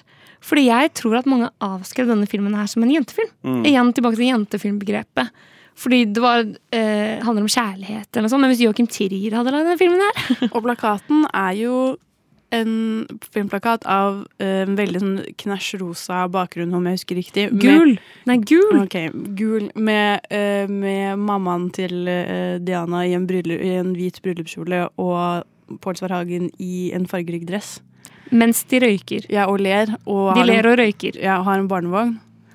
Men Så jeg føler, skjønner jo også at man kanskje tenker at å, dette er en sånn typisk romcom-ting, da. Liksom, ja, det var jo det å si at den plakaten var også helt forferdelig. Det, jeg, jeg måtte bare gu, Jeg gu, gu, google her. på at det, det, det, min, den plakattypen her minner meg veldig om Veldig rart eksempel, men Diane Keaton har jo vært med i veldig mange så rare eh, filmer med forferdelige plakat som er åpenbart siktet for middelaldrende kvinner. Da. Sånn som, nå fikk jeg opp Book Club her, som er sånn, bare sånn helt hvitt bilde med åpenbart alle figurene photoshoppet inn i en forferdelig plakat. Uh, jeg jeg syns markedsføringa her var jo helt uh, off point med hva slags film det egentlig er. Men jeg er uenig, fordi jeg er enig hvis du bare ser på det kjapt, og at det er bryllupsbildet Men poenget er jo at de står der med sigg og en baby som de nesten glemmer. Altså Det er jo på en måte for å vise at de er liksom dysfunksjonelle. Jeg liker jo egentlig den plakaten. Det er de ikke her hjemme, da. Ja, de er jo ikke dysfunksjonelle. Det er sant. Det er unnskyld. Men, men igjen, det der med kvinnehistorier, mannehistorier, at liksom folk avskriver denne filmen og lala. Det er jo litt spennende, da. Jeg tror det var veldig mange som ikke dro og så denne, selv om det var en ny, stor norsk liksom, storfilm. Eh, hvor var alle filmboysene på Dianas brylluppremieren? Det er ikke high art, vet du. Det er, Det er det det er! Punktum, men det var ikke high art. Takk for deg, Charlotte Blom. Vi skal hoppe videre til en, eh, noe helt annet. Eh, En spennende eh, autør. Enda en autør, hvis jeg skal si det. Eh, Men før det skal vi høre låten 'Elskan' av GKR. Dette er Alexander fra Nova Noir. Og i en tid når man ikke fritt kan gi klemmer, ønsker på vegne av hele redaksjonen å gi deg, kjære lytter, denne soniske klemmen. Som en takk for at du lytter, og for å forhåpentligvis gi en liten positiv boost i en ellers kjedelig hverdag. I tillegg har jeg denne lydmessige godbiten til deg, nemlig min favorittlyd. Den av en kald Ringnes som åpnes. Eh, Da er vi tilbake til studio, og vi skal nå hoppe over til neste eh, autør, nemlig Mona Hoel. Eh, Ina, det var jo du som viste meg Mona Hoel. Ja, Mona Hoel er Mona Johanne Hoel, siden du var inne på fullnavn. Ja, viktig å ta med fullnavn. Ja, Mona J. Hoel, eh, som gatene kaller henne, eh, er jo da eh, Om hun ikke er, eh, nå skal jeg bruke store ord, eh, Norges største og viktigste autør, eh, så er hun i hvert fall den eneste dogmeverifiserte regissøren vi har i Norge. Uansett mann, uansett kvinne. Um, og, det overrasker meg litt, egentlig. Jeg skulle trodd det var flere. ja. det er det, eh, og det er jo mange som er um, tro til dogmereglene. Eh, og for dere som ikke vet hva dogme er, så er det på en måte Lars von Trier uh, som um, Og flere med mer. som lagde ti regler, uh, ti bud, uh, til hvordan man lager ekte film. Og det er liksom naturtro, at ting skal være realistisk. Du skal ikke bruke eh, falske lys. Du skal ikke bruke ting som ikke hører til i den verdenen. Du skal ikke ha eh, ekstern musikk. Alt skal være på stedet. Sånn type ting. Og det er på en måte det som også har satt Mona Hoel på kartet, var at hun lagde eh, 'Når nettene blir lange' eh, tilbake i eh, 2000. Og eh, hun har eh, til viss grad fulgt eh, dogmereglene helt siden da, egentlig. Og har alltid vært veldig opptatt av at ting skal være nære og eh, så realistisk som mulig. Men eh, hvem er Mona Hoel? Hun har jo eh, gjort mye forskjellig. Blant annet så har hun eh, studert eh, ved Det Dramatiske instituttet i Stockholm, hvor annet Ingmar Bergman var en av hennes lærere. Eh, hun har også deltatt eh, i filmfestivaler hvor f.eks. Alan Parker har vært eh, eh, juryformann. Hun har eh, markert seg både i Norge og eh, internasjonalt. Og så har hun da eh, lagd mye kortfilm, eh, men også noe spillefilm. Og vi skal etterpå snakke om en film som heter Salto, salmiakk og kaffe. Eh, men eh, for meg så dukket Mona opp for første gang i 2019. Og det er fordi hun plutselig kom med en ny film eh, som heter Skal dere gå allerede. Eh, og den ble vist på Oslo Pix, blant annet, for første gang. Men det som er spesielt med den, var at den var filmet um, ni år før den kom på uh, lerret. Og, og det er fordi eh, Mona Jeg vet ikke altfor mye om Mona heller, fordi det er ikke så mye om henne på nett. Eh, så det jeg har tilegnet meg informasjon, enten ved å ha vært i panelsamtaler med, hvor jeg har hørt på henne, eller hvor jeg har eh, prøvd å fiske til meg nok informasjon. Blant annet Tage, eh, tidligere medlem av Nova Noir, hadde et veldig flott intervju med henne eh, i 2019, som ligger på radionova.no, som alle burde sjekke ut. Um, for Mona eh, i, eh, for eh, mange år siden så eh, bestemte hun seg for å gå bort fra å få statsstøtte. Hun, jeg tror det var et eller annet med at jeg tror ikke Hun har ikke uttalt seg offentlig om det, men jeg har fått følelsen av at det var mye med at em, de retningslinjene som ble gitt til statsstøttefilmer ikke passet henne. Så hun lagde sitt eget eh, selskap som heter Freedom for Film. Um, hvor hun Alt er selvfinansiert. Og det er også grunnen til at filmen har tatt veldig lang tid, for hun har betalt for alt sammen selv. Så Eh, kult. Hun har klippet alt sammen selv, hun har filmet alt sammen selv, eh, så å si. Eh, I tillegg så har hun vært syk. Kreftsyk. Som også har gjort at hun, ting har tatt lengre tid enn det skulle. Ja. Så hun, og det som er fint med Skal dere gå allerede, er også bare sånn det er åpenbart. Det her er, liksom, det er et kamera, det er en Det er få mennesker med på dette settet. Og det er det at hun igjen da ved å være så særegen og um, spesiell har utmerket seg i norsk filmhistorie. Men nå bare bolvet jeg masse om Mona Hoel. Men eh, hva er deres forhold til henne? Inteteksisterende. Nei, det var ja, ikke-eksisterende her òg. Ja. Jeg hadde aldri hørt om Mona Holt, men jeg synes nå, når jeg vet mer om henne, og har sett en av filmene sånn, er kjemperart. Skulle trodd hun var en mye større og tørr stjerne på den norske filmhimmelen enn det hun er. Men vi kan jo unnskylde oss med at eh, det meste hun har laget, var jo før eh, 2000. Eh, siden 2000 har jo vært Når nettet ble lange i 2000, Salt og salmiakk i 2004, og så har det vært en dokumentarfilm, kortfilm, og så skal det gå allerede i 2019. Så det har jo vært ganske tynt med, med produksjon for henne, åpenbart pga. At hun ikke tar imot penger og sykdom og de greiene der. Men. Absolutt. Du var jo på en panelsamtale med henne nå under Oslo Pix, Ina. Ja, for nå har hun jo fått en liten kjærlighet for, for uh, Oslo Pix. Uh, så hun hadde en sniktitt på sin neste film, uh, som heter Natt. Som også er helt eh, lik når det kommer til dogmeregler, hvor eh, skuespillere er ekte, eller er amatører, da. Eh, hvor en dommer er spilt av en ekte dommer. De drar til Alta, og de finner en ekte fisker for å spille en fisker. Eh, og alt liksom er veldig improvisert. og liksom og det som var veldig spesielt med den visningen, var jo også at um, den har også blitt filmet for mange mange år siden. Den, det var ni år siden den ble filmet. Um, nesten ti. Ni og et halvt år, sa de. Um, og det har vært mye fram tilbake med den også. Tatt lang tid å klippe. Eh, men det har også vært eh, folk som har prøvd å stoppe filmen. Eh, og det var ikke Ja, så de har ikke visst om de har kunnet vise den i det hele tatt. Men det som på en måte er målet hennes, da, at vi skal snakke mer om salto, salmiakk og kaffe etterpå, men dette er jo på en måte en hva heter det, en uh, introduksjon til et helt univers hun prøver å lage. Hun er jo 60 eller annet nå, men hennes mål er jo å lage Hun skal lage ti filmer om, de, uh, eh, om de ti uh, arketypene. Eh, eller de ti bud. For hun mener at de ti bud alle har en arketype eh, snudd på hodet. Ja. Så hun skal lage da ja, filmer om alle de forskjellige. Eh, som for eksempel da i natt handler om eh, at man skal jo være gift, og man skal holde sammen. Eh, og så har hun snudd det på hodet i den her. Du skal skille deg, og du skal komme deg vekk. Ja. Uh, ja. Det er spennende. Mona Hoel, Cinematic Universe. Ja. og det er også Salt og salmiakk og kaffe er der du møter alle karakterene uh, til de neste filmene. Um, så alle blir introdusert, eller mange av de uh, blir i hvert fall introdusert i den filmen der. Og det er også da um, Nicole som spiller i Skal dere gå allerede, tidligere fagsjef her på Radnova. Um, hun spiller jo, spilte jo i Salt og salmiakk, og så spilte i Skal dere gå allerede. Veldig kult. Mm. Vi skal eh, hoppe inn i salto, salmiakk og kaffe. Men før det så skal vi høre Voy and Destroy av Aktiv dødshjelp.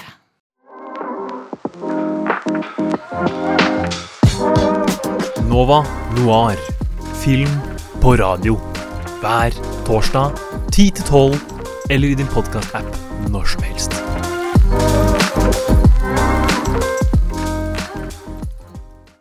Det er eh, oss her i Nova Noir, Ina, Embla og Lars, som sitter og diskuterer kvinnelige norske filmregissører. Og vi eh, er midt i å diskutere Mona Hoel, eh, autøren, legende, dogmekvinnen selv. Eh, og da skal vi jo hoppe inn i en av hennes filmer, eh, 'Salto, salmiakk og kaffe'. Hva handler den om, Ina? Det er veldig vanskelig å svare på. Eh, For det er, dette er jo en slags eh, typisk film hvor det er mange karakterer med hvor uh, livet deres tilfeldigvis flettes sammen på uh, usannsynlig vis. Um, men um, Som Love Actually? Ja, det kan man jo nesten si. Jeg synes det er en bra sammenligning. Ja. Dette er Norges Love Actually. Eh, kan noen, ville noen, ville noen sagt. Um, men det handler om um, egentlig et nabolag. Um, jeg tror det er i Lillestrøm. Hvor du ser for deg eh, Jeg tror det er tre eller fire forskjellige familier eller situasjoner. Blant annet så er det en mor og en datter, spilt av Kjersti Holmen, eh, um, som er eh, en tenåringsdatter som bryter ut eh, og har lyst til å leve livet sitt som hun vil, og en streng mor som er kontrollerende og ikke har forståelse for sin egen datter. Altså forelsket i mannen som hopper på trampolinene på, huset ved siden av. Eh, og så har du en høygravid dame eh, som Um, som har en sønn, og som bare vil det beste for familien sin, samtidig som hun har en mann, en gründer mann, um, som snorter kokain og uh, ligger med den unge kjæresten sin uh, på fritida. Um, og så har du Fares Fares, som spiller en uh, spiller Jesus, mannen som driver den lokale hjørnesjappa. Og som han egentlig ikke har lyst til å jobbe i, men fordi faren hans driver med den, så er han nødt til det. Og, eh, og så er det en bestemor, og det er, liksom, det er mange, og en, og en politimann. Um, og en prest. Og alle henger sammen på en eller annen måte. Um, og det de representerer, kan man jo lure mye på. Uh, er Jesus egentlig Jesus? Uh, er Maria Maria? Og Jesus og Maria føder jo sammen til Ja. slutten, og det er mye rart her. Det er mye rart her. Det er mye symbolikk. Det handler mye om um, dårlige forhold, uh, gode forhold. Uh, det handler mye om kvinner. Det handler mye om menn. Uh, jeg vet ikke, Hva var ditt inntrykk av denne filmen, Lars? Nei, eh, hvor skal jeg begynne? Det er jo min, den filmen jeg likte minst. Men grunnen til at jeg ikke likte den, var jo det at den har et så utrolig typisk preg da, av sånn norsk midten av 2000-tallets film. Filmet på sånn dårlig digitalkamera. et eller annet. Liksom, og den første sekvensen da, hvor du ser det kameraet speede gjennom denne matbutikken til eh, den personen som spyler denne fisken, som er sånn skikkelig sånn hyperaktiv liksom stil. Jeg trodde at eh, denne filmen skulle bli Husker du den filmen Run Lola Run? Som var sånn hyperaktiv film. Så jeg fikk sånn vibes, da. Og det var sånn Fargepaletten var så trist, og, og Og det bare hopp, liksom det første halvtimen er så hard å komme seg gjennom. Det er bare på at du hopper fra en sekvens til annen, og du aner ikke hvordan ting henger sammen. Det er veldig mange karakterer. Ja.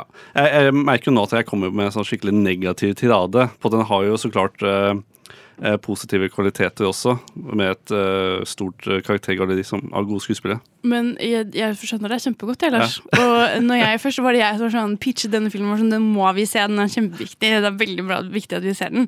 Uh, og så så jeg den vi hadde, Da hadde jeg bare sett litt. Og, te, og så hadde jeg vært på natt og hadde blitt helt forelsket i Mona Hoel uh, og tenkt sånn, dette blir det beste. Men jeg må også innrømme at denne var vanskeligere å svelge enn um, de andre filmene hennes. Mm. Eh, både fordi den er veldig sprikende. Eh, men så, så, så sa jeg at den er litt rar, jeg vet ikke om dere kommer til å like den. Ja, kanskje vi skal velge noe annet. Og så kommer Embla på banen og sier at du koste deg jo masse. Den her filmen er så morsom. Altså, jeg satt og tekstet med dere mens jeg så den. Jeg var sånn Nå er jeg en time inn, og den er legende! Men, men problemet er at på det er, der du var på sånn én time inn, der Ja. er det faktisk en god sekvens. Der er den på sitt beste. Ja. Den går litt ned etter det, det sånn- og den er litt vanskelig i starten. Det er sånn ti minutter hvor den er god Den er verdt å se, altså. for de ti minuttene. Nei, det er mer enn ti minutter. Jeg har sett i hvert fall en god 45. Uh, det er altså så morsomt uh, fordi man følger jo en karakter som plutselig ikke har så mye penger, jeg skal ikke spoile så mye, men som blant annet eh, driver og prøver å rane masse butikker med en lekepistol. Og det, bare, det føles sånn, For det første, alt er filmet som du sa på sånn der dårlig hjemme-VHS-kamera, men jeg føler ikke sånn der Lars von Trier Dogme-stil, så jeg føler egentlig det er kult. Det er med vilje. Um, men det er sånn, hun prøver å rane en lekebutikk med en lekepistol, og liksom ingen tar henne seriøst. Alle kjenner henne igjen. Alle kjenner, alle, ja, alle er sånne 'Maria, er det deg?' og hun prøver bare å komme seg ut. Hun er jo høygravid også. Men Høyre hun har på seg en sånn 70-tallsdress og en billig parykk og store solbriller. Og det er sånn Hva? Vet du hvem jeg er? Men jeg vil bare lese fordi uh, Ivar Winther, anmelder for NRK, uh, tilbake i 2004 skrev en, en spennende anmeldelse. Han ga den tre stjerner.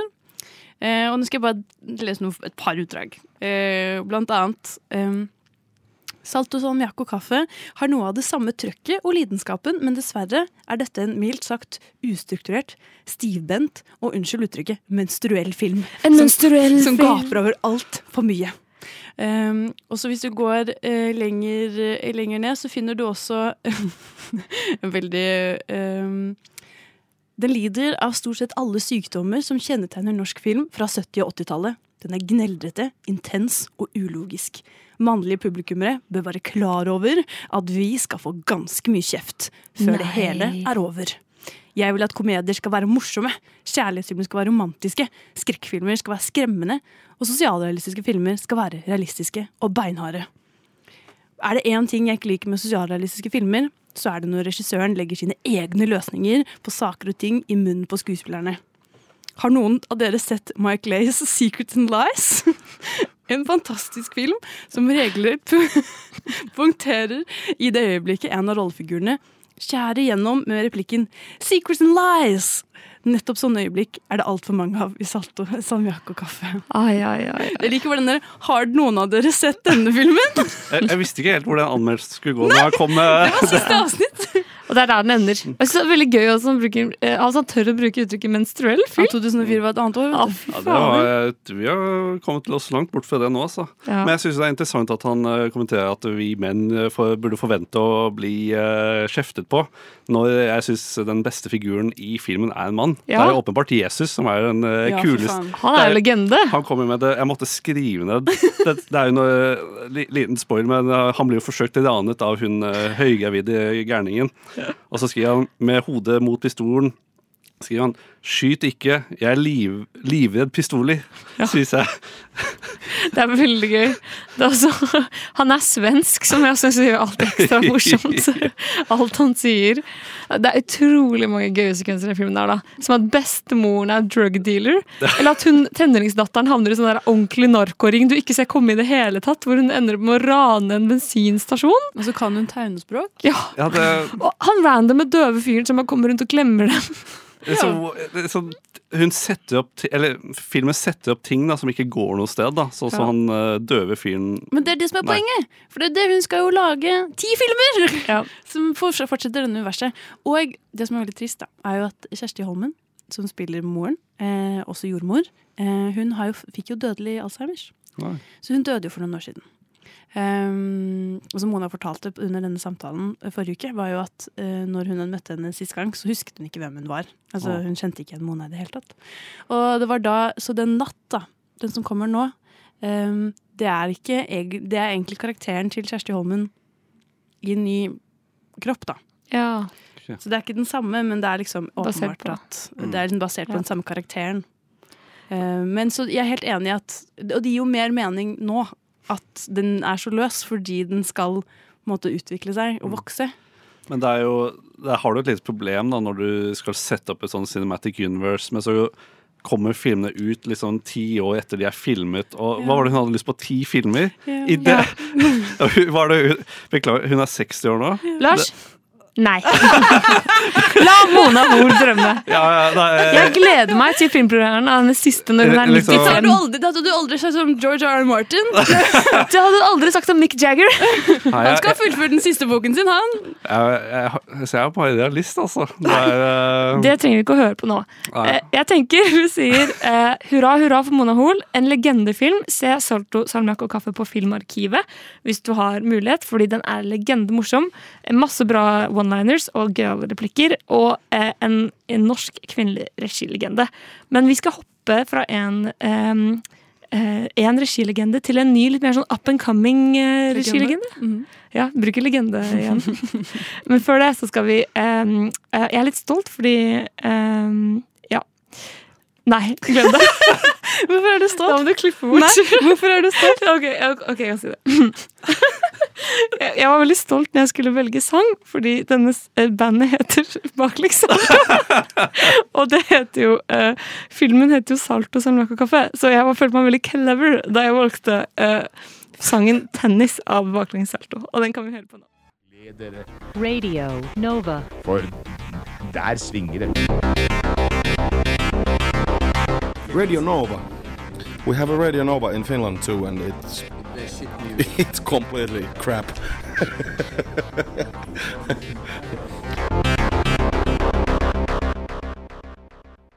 Her eh, sitter Nova Nar i studio og diskuterer eh, eh, kvinnelige filmregissører. Og vi er på kvinne nummer tre, nemlig Iram Haq. Og eh, Lars, hvem er det? Nei, det, det er spennende at du spør, Embla. Nei, hun, hun er- en eh, Hun er en norsk eh, Hun er skuespiller, hun er regissør, hun er sanger. Hun er utdannet art director fra Westerdals. Hey. Født i 19, 1976 av eh, to arbeidsinnvandrere fra Pakistan. 1976? 1976, det er det det står på Wikipedia i hvert fall. Å, jeg trodde hun var mye yngre. Men det Du er ikke gammel hvis du er Nei, eh, ikke si, vi, vi, vi tar ikke den diskusjonen her. Du er ti år yngre enn moren min, da. Hun er 46. Ok. Det er ungt. Ja, Det var ikke meningen. Jeg, bare, jeg ble overrasket. Fortsett. Ja, men da, da Ja, som sagt. Hun er, hun- er født i 1976 fra- av to arbeidsinnvandrere fra Pakistan. Og en interessant eh, footnote her som vi kommer tilbake til med, med eh, filmen hennes vi skal prate om etterpå, er at eh, Hack hevder at hennes foreldre ønske om å skjerme henne fra norsk kultur skyldtes at de ikke, ikke hadde tid til å integrere seg, at de måtte jobbe og sikre sin fremtid for barna. Du skal ha overskudd og mot til å klare å integrere deg. Som jeg syns er et ganske interessant sitat. Eh, Ja. Som sagt av eh, filmen vi skal prate om Hva vil folk si? Men eh, mer om eh, Iram Haq er jo det at hun har hun har laget uh, flere kortfilmer, bl.a. Uh, 'Trofast'. Og hun har, hun har blitt nominert og vunnet eh, flere, flere priser, bl.a. Uh, Amandaprisen i 2018 i klassen for beste regi. Det er hun en av fire ever som har gjort. Det er jo sjelden, da. Mm. Da tror jeg også hun vant for beste manus. Det samme Eh, året. Det gjorde hun absolutt. Og til og med Uh, throwback til uh, det vi pratet om tidligere, Edith uh, Karlmar-prisen i 2018. Ja. Det er kult. Men uh, har dere hatt noe forhold til uh, Idem Haq eh, før, uh, Ina? Mm, jeg har ikke det. Um, jeg, ja, dette var mitt første møte med Hva vil folk si? Jeg hadde, jeg husker når den kom, så fikk jeg, hadde jeg veldig lyst til å se den. Og det var jo veldig mange som snakket om den. Men eh, det bare ble ikke sånn. Og jeg tror ikke jeg hadde kommet inn i min norsk filmfase ennå. Um, I 2018. Eh, Embla? Eh, jeg husker at vi måtte analysere eh, kortfilmen hennes Kylappjenta, på ungdomsskolen, tror jeg. Eh, som jeg ikke likte. Eh, Jeg husker ikke hvorfor jeg klikket den, det er så mange år siden. Men jeg tror det er litt sånn fantasy-univers. Og jeg tror jeg syntes det fancy-universet var ubehagelig og stygt filmet. Så, jeg husker det som en negativ opplevelse. Men den filmen vant jo masse, så den er sikkert kul. Men jeg var kid. Men det er jo interessant at du sier eh, Du sa ukomfortabel. Ja. eh, det er jo faktisk det, det, kanskje det største kodeordet jeg vil si om hele filmen vi skal prate om etterpå, hva vil folk si, at den er ekstremt ukomfortabel. Mm. Forferdelig å se på. Mm. Veldig vond. så hun er jo kanskje en, ganske flink til å ta opp uh, ubehagelige temaer da, og gjøre det på en god måte. Det, Veldig god på spenning. mm, Ja. Absolutt. Men har jo ikke gjort noe siden. Nei, Ikke så lenge siden heller, da. Det er fire år, da. Så hun er sikkert in the works. Men jo, hun har sluppet bok i fjor! Det er det hun har. Også, Hun regisserte tre TV-episoder til Når støvet har lagt seg i 2020.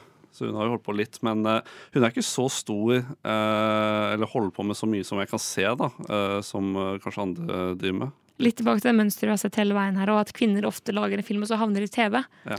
Men ser jo ikke Joakim Trier regissere tre episoder av eh, Mammon før han gjør sin neste film, på en måte. Men det andre gjennom også dette med flerkulturelle og mangfold i filmbransjen også, for det er jo ikke bare kvinner som ikke blir representert nok, det er jo også i tillegg ikke bare um, mangel på kvinner, men, men mangfold. Eh, og spesielt da em, minoritetskvinner også. Em, så hun er jo en veldig viktig regissør, og filmen hennes også er jo også veldig viktig der. Og det er jo en Det er jo han Troll bragder er en norsk-svensk eh, film som har kommet nå. Og han som regisserer den, han vant jo Amanda for sin forrige film. Jeg husker ikke hva den heter, for noen år siden. Og han har jo vært uttalt i media nå. Eh, blant annet i Dagsavisen har det vært en liten debatt om nettopp det flerkulturelle i filmbransjen i Norge. Og da trekkes jo f.eks. Hakk fram som en viktig eh, regissør der, men også at ofte så får man ikke en ny sjanse. Um, sånn som han husker jeg ikke hva han heter, dessverre. Men han sa jo det at han vant Amanda. Likevel, etterpå, ingen nye tilbud. Ingen som hadde lyst til å lage film med han. Som han, den filmen han har kommet med nå, ble spilt inn rett etter um, den forrige filmen hans, men den har liksom, han har ikke hatt penger til å, eller fått støtte til å lage den før nå. Um, så det sier også hva- hvilken tiltro man har, og hva man Litt sånn som at folk ikke har lyst til å se kvinnelig perspektiv på film, så er man kanskje heller ikke så interessert i å se mangfold på film heller. Og der kommer vi jo tilbake til uh, der hvor pengene kom fra da, i norsk filmbransje. At uh, vi har jo bare én, uh, ett apparat da, som eh, gir, finansierer sånn alt av eh, norsk eh, film. da. Så det er jo Ja. Det er veldig sant. Og det er, vi ser jo mange mønstre her. Vi skal hoppe inn i filmen eh, Hva vil folk si? Men før det skal vi høre sangen So naiv Sindvrnic. My mama always said, Nova Noir was like a box of chocolates. You never know what you're gonna get. Eh, vi snakker om Iram Haq og eh, hennes film Hva vil folk si? Og hva handler den om, Lars? Den handler om eh, en 16 år gammel eh, jente fra en eh, pakistansk innvandrerfamilie som Hun bor i Oslo. Eller er det, ja, det er Oslo? Er det Det er Oslo. Ja. Og hun går på skole og har venner, og hun er ute og fester og har det litt gøy, da. Men hun holder det skjult for familien på at de er, de er litt mer tradisjonelle i den stand. Men så en dag så sniker hun inn kjæresten gjennom vinduet, og så blir de fersket av faren, og det liker ikke faren. Så ha, det han til slutt bestemmer seg for, er at hun skal bli sendt tilbake til Pakistan for å eh, bli ordentlig opplært. Gratulerer med dagen, pappa! Min datter.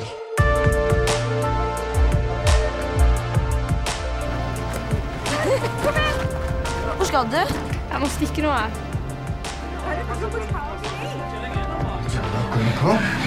नहीं नहीं नहीं नहीं चाहिए तुम्हारी जैसे बेटी मुझे ऐसी सजा देता वरना हम तो किसी को मुँह दिखाने के काबिल नहीं रहेंगे हम कहाँ जा रहे हैं पापा हम कहाँ जा रहे हैं वैसे सब इंतज़ाम हो गया है Og der hørte vi traileren. Og jeg, jeg er jo egentlig bare interessert i å høre hva dere to hva dere syns om filmen. da, Ina? Jeg syns den var Jeg som vi snakket om i stad, veldig, veldig ubehagelig. Um, jeg syns det var veldig vondt å se på, i hvert fall sånn den første timen. Um, Og eh, hele meg, eh, som, som datter av to politipersoner, blir, blir sånn Du må bare ringe til noen! Du må bare, du må bare si fra til noen! Eller sånn, jeg blir så utrolig sånn løsningsorientert. Um, så jeg kjenner også at jeg blir sånn kjempefrustrert. Altså, så bare gjør noe, da! Du må bare fikse det! Du må bare gjøre det. Men så skjønner jeg jo at det er jo veldig enkelt for meg å si. Mm, Og, og det er familien din det er snakk om. Det er foreldrene dine som du elsker veldig, veldig høyt, som, som snur seg mot deg. Um, så, så jeg ble veldig bare veldig imponert over hvor sånn Jeg hadde så sinnssykt lite lyst til å se den ferdig. Uh, kjente jeg at jeg sånn satte den på pause og, sånn, og ble sittende og ikke skru den på. Fordi jeg var sånn jeg, Nei da, det går fint, jeg må gjøre alle disse andre tingene før jeg ser den ferdig. For jeg syns det var vondt, liksom. Jeg var helt enig, jeg hadde akkurat samme reaksjon som var det å sitte og være sånn Men ring noen, da! Gjør det, da! Sånn, hun blir jo på en måte kidnappet eh, ganske tidlig i filmen. Det er en ganske lang sekvens hvor de på en måte kidnapper henne til Tyskland. Og da er jeg sånn Løp og si fra til noen på båten! Gjør dette! Gjør dette! Hva faen? Hva er det du Og jeg skjønner at det ikke er så enkelt, men jeg blir sånn Jeg blir så gæren i hodet, og jeg bare følte at eh, Og det er faktisk noe den har fått kritikk for. En ting er at Det er veldig lett for oss å bare tenke sånn Stikk av, da. Det er jo familien hennes og hele livet hennes. Men den har fått kritikk for at det er malt så svart-hvitt at man Mm. gjerne kanskje skulle fått litt mer forståelse for hvorfor hun velger å bli. Altså Ja. litt mer kjærlige og varme scener. Ja, for jeg synes, Det også var en ting jeg tenkte mye på. at um, og Jeg har også lest at andre har kritisert den for at den maler jo pakistansk kultur som noe veldig dumt. Eh, og det er det jo ikke. Um, og uh, det får liksom til å virke helt Og så er det de prøver litt å gjøre det sånn Å, det blir litt hyggelig der likevel. Og så er det sånn, men det er jo ikke egentlig fordi hun ønsker det, um, på en måte. Og alt blir liksom most med en gang du tror det er bra, så er det bare sånn nei! Ikke noe hyggelig i det hele tatt! Um, så jeg skulle, jeg skulle gjerne ønske at den var litt mer nyansert til tider. Ja, det er jo et øyeblikk der hvor du nesten tror at hun utvikler et slags eh, Stockholms-syndrom. Og bare Det virker som de kommer til å gjøre en happy ending ut av at hun faktisk blir, har blitt kidnappet og, og sånt, som er ganske, ganske vilt. Eh, Men jeg syns også at det Som det sier, da, det er veldig sånn Jeg syns det er svake karakterer, da. Eh, De, de har ikke så mye utvikling. Eh, På at hun, hun er jo bare et offer liksom, Så klart, hun, hun er et offer hele filmen, og og eh, som jeg, jeg kommer til å spoile nå, da, men at det, selv når hun vinner, når hun endelig på slutten av filmen da, eh, stikker av eh, fra familien, så er, ser man jo at det er faren som vet at hun gjør det. At han lar henne gjøre det, så det blir liksom ikke hennes Uh, Hun vinner ikke allikevel, det er han som lar henne vinne. Følte det? Jeg følte ikke at han lot henne. Jeg følte han kunne komme på finne på å løpe ned bilen og kjøre etter henne. Nei, det, det, Men det slutter før Jeg tror det bare var de to som sa farvel, på en måte. Nei, men det, det er det jeg syns er rart. At det, det, er et punkt der hvor de på en måte helt på slutten hvor de prøver å utvikle at faren begynner å få sånne second thoughts. da. Det er jo når, når de prøver å sette opp det bryllup Det er et øyeblikk i film hvor de prøver å sette opp at hun skal gifte seg med en, en lege i Canada. Canada, mm. Og da har de liksom sånne, en del masse klipp til faren som ser litt sånn, han ser litt sånn eh, tenkende ut. da, Ser litt sånn trist ut og ikke like streng.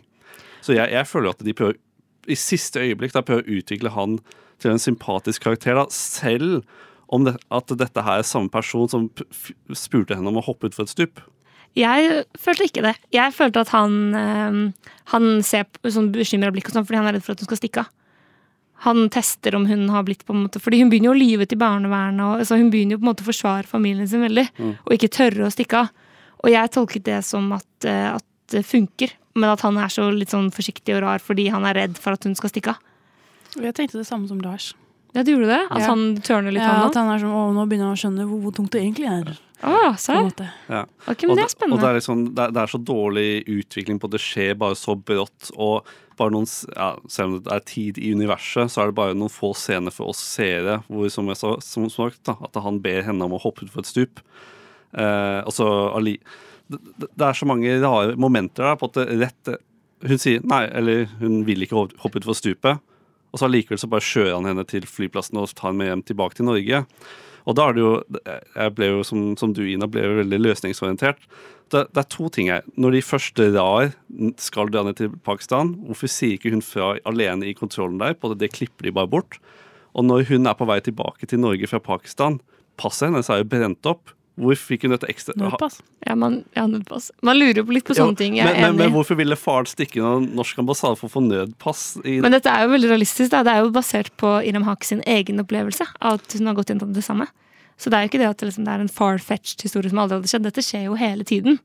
Jeg tror det er det at, at det bare føles veldig fjernt, og man tenker at det ikke skjer her vi er. Men eh, det er jo kjemperealistisk og egentlig mye nærere enn det vi tror, tror jeg. Mm. Det er helt riktig.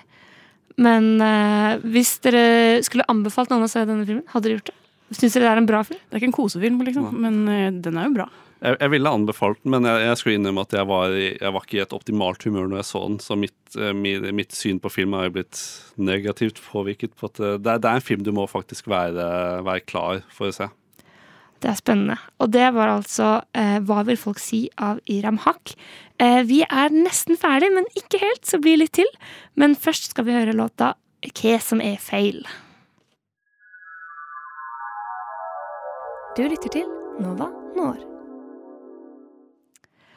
Ja, shit, du lytter til eh, Nova Noir på Radio Nova, filmmagasinet. Eh, Ina Lars Ørnblad, som har sittet i studio og svettet seg gjennom to timer i 40 grader i studio, minst.